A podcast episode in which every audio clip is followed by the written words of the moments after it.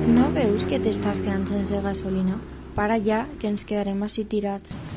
I què vols que faça si no hi ha cap gasolinera per ací? Se suposa que este poble té 12.000 habitants? Però si no hi veus res amb aquesta pluja, com veuràs si hi ha una gasolinera? Para el cotxe i ja veiem què fem. Enmig de la carretera? Lava't així en eixe camí, on hi ha cases. Podem parar a preguntar per una gasolinera. Al final Carlos va decidir parar. Van estar una bona estona en el cotxe pensant què fer. I al final Carlos i Elena van decidir baixar del cotxe i buscar alguna casa on poder preguntar per una gasolinera o un hostal, ja que era molt tard i estaven molt cansats. Van arribar a un hostal i van preguntar que si podien quedar-se una nit. L'endemà d'hora agafarien el cotxe per a seguir el seu camí fins a l'aeroport. Clar, una habitació per a dues, veritat? No, no, som quatre. Llavors, quatre habitacions individuals? No, dos dobles, per favor. Per descomptat. Carlos i Elena van anar al cotxe a buscar a Sofia i Isaac. Van tornar a l'hostal i cada un es va anar a la seva habitació. Elena i Sofia juntes i Carlos i Isaac junts. Carlos i Elena no podien dormir, així que van decidir eixir a fer un volt per l'hostal. Mentre baixaven les escales es van trobar i van decidir passejar-se junts. Van arribar a un gran saló on hi havia una llibreria enorme. Déu, és la llibreria dels meus somnis. Que passada. Uau, sí que és una passada. De sobte va caure un llibre de la llibreria. Elena el va agafar i tots dos es van asseure en un sofà i van començar a llegir-lo. Van llegir les dues primeres pàgines, però allò que llegien era molt, molt estrany. De sobte es va moure una cortina sola i algú es va espantar i ells van pregar un crit. Eren Sofia i Isaac. Quan es van donar compte, tots van anar al llit. No, no. No pot ser, no pot ser, no pot ser. Què passa, què passa, què passa? Despertador. Se m'ha oblidat posar el despertador. No és veritat, no? A Sofia se li va oblidar posar el despertador. L'hora del seu vol ja havia passat. Van estar tot el matí buscant algun vol que isquera aquest mateix dia, però l'únic que hi havia era per a dins de dos dies. No tenien una altra cosa que fer que quedar-se al poble dues nits més. Van baixar a desdellunar i quan van acabar van tornar al xicotet saló. El llibre que havien vist a la nit va tornar a caure de la prestatgeria. El van obrir per a llegir-lo Helena i Isaac i es van adonar que hi havia una cosa nova escrita. Van decidir no fer-li cas, però així tot van deixar el llibre i no el van llegir. Van passar tot el dia visitant i coneixent el poble en el qual estaven. Monover, així es deia. Era un poble realment bonic i sí, havia gasolineres. El que passa és que s'havien ficat per la pedrera i no així que no hi ha. Van tornar a l'hostal per a canviar-se de roba. Ens anaven a eixir a sopar. Mentre Carlos i Elena s'endreçaven en el lavabo, el cristall de l'espí es va trencar i de sobte va eixir una espècie d'esperit terrorífic i va començar a amenaçar-los. Ells, molt espantats, van eixir corrent a explicar-li a Isaac i a Sofia, però ells, lògicament, no els van creure. Què esteu comptant? Us esteu escoltant? Un esperit ha trencat en cristall i ens ha amenaçat, igual que en el llibre que van llegir a nit. Com no es creien, van anar a llegir el llibre una altra vegada, però a llegir el nou que s'havia escrit només. Van passar dos dies, tot anava normal, fins que va arribar l'hora de marxar-se per agafar el seu vol.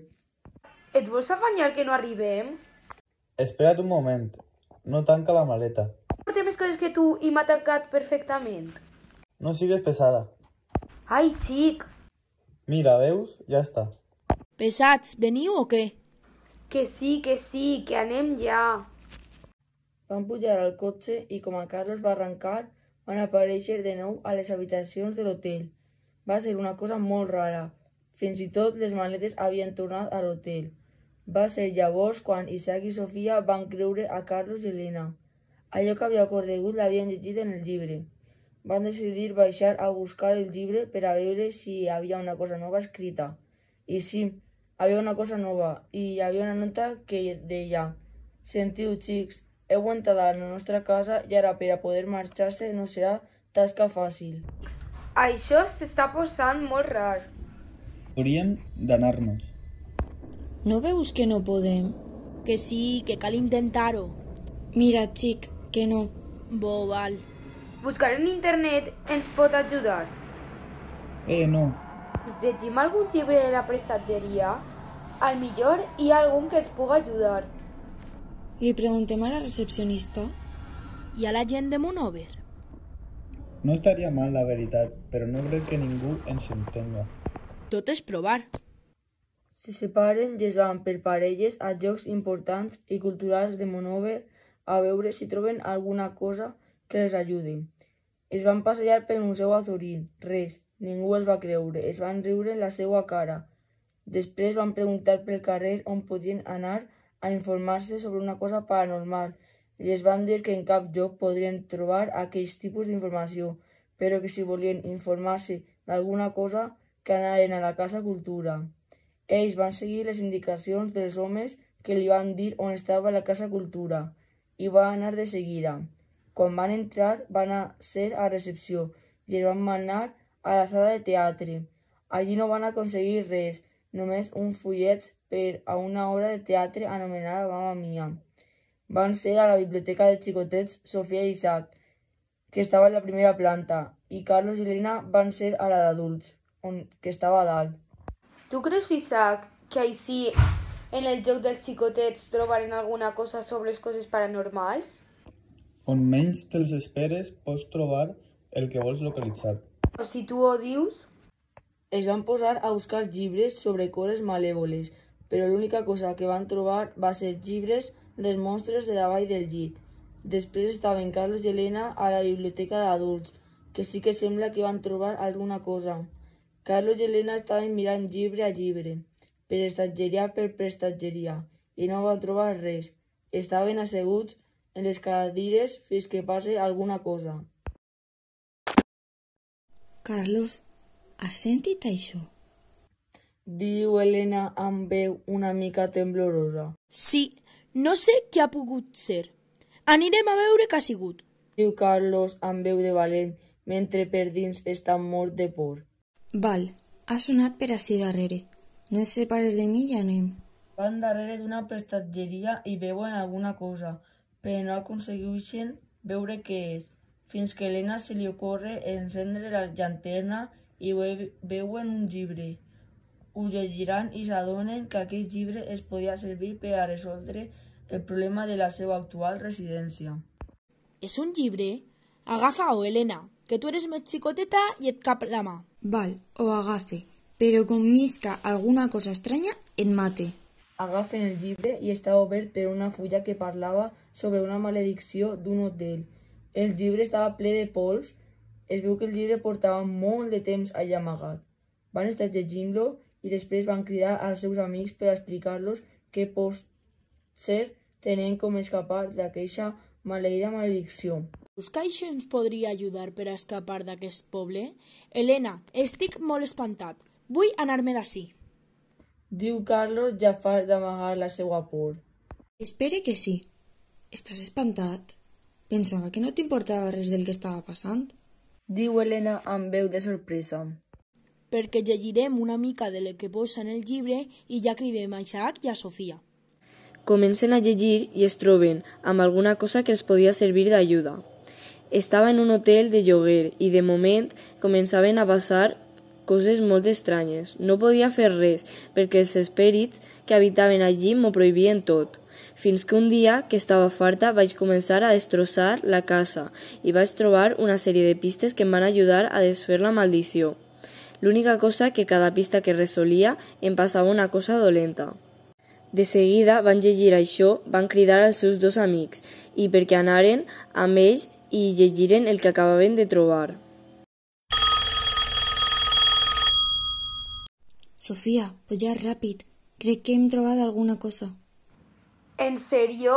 Anem ja! Què t'han dit? Són bones notícies? Sí, anem per a dalt, que tenen coses que explicar-nos. Corre, corre. Són a la biblioteca ja els quatre i els compten a Isaac i a Sofia el que havien esbrinat. Estaven ja més feliços, però alhora espantats, perquè els anava a passar una cosa dolenta. Decideixen continuar llegint el llibre i troben una altra cosa que els servirà també d'ajuda. En el llibre que Hotel era un detall més. És en el mateix lloc que on estem ara ajudats nosaltres. Sí, com pot ser? Bueno, com és el mateix lloc, és més fàcil que ens ajude. Mirar, mirar, xics, el que posa així.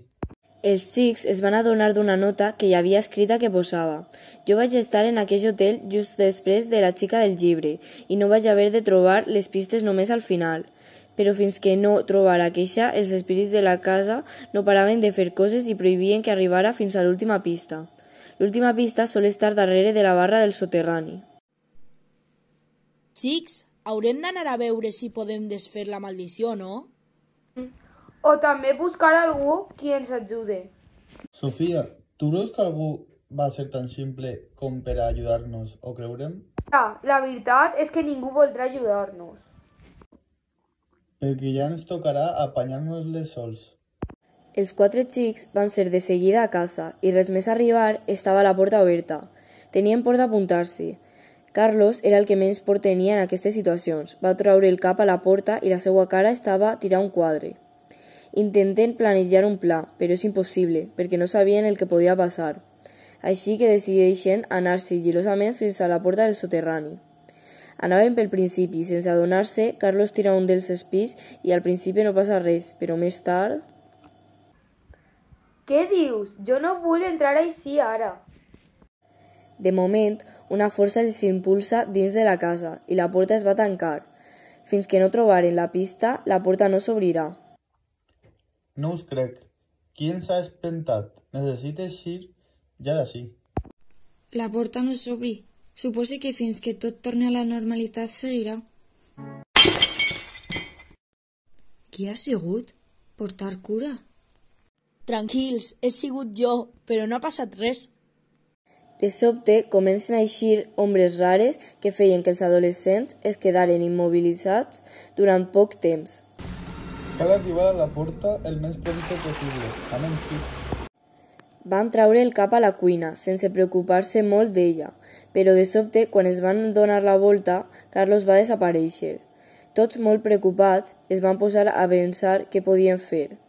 Fins que Sofia va dir que era millor arribar ràpid a la pista i no preocupar-se d'Isaac, perquè si trobaven la pista, a Isaac també. Seguir-me, que sé per on es arriba més ràpid. De seguida arriben a la porta i l'obrin. No hi havia gens de llum, però encenen el mòbil i veuen una nota en el sol. Una nota? Serà la pista? Sí que agafar-la. En la nota posava que havien de trobar un esborrany per esborrar la història escrita en el llibre, però ells van tindre una altra idea. No creieu que en comptes d'esborrar l'escrit seria millor trencar les fulles perquè ningú torni a escriure i la maldició acabe per sempre? És veritat, no se m'havia ocorregut. Encara sort que et tenim així. Els adolescents agafen el llibre i comencen a trencar fulla per fulla, fins que tot va tornar a la normalitat i Isaac va tornar a semblar. Xics, ja està. Anem-nos ja d'ací. I així és com es va desfer la maldició i els xics es van anar de tornada a la seva ciutat.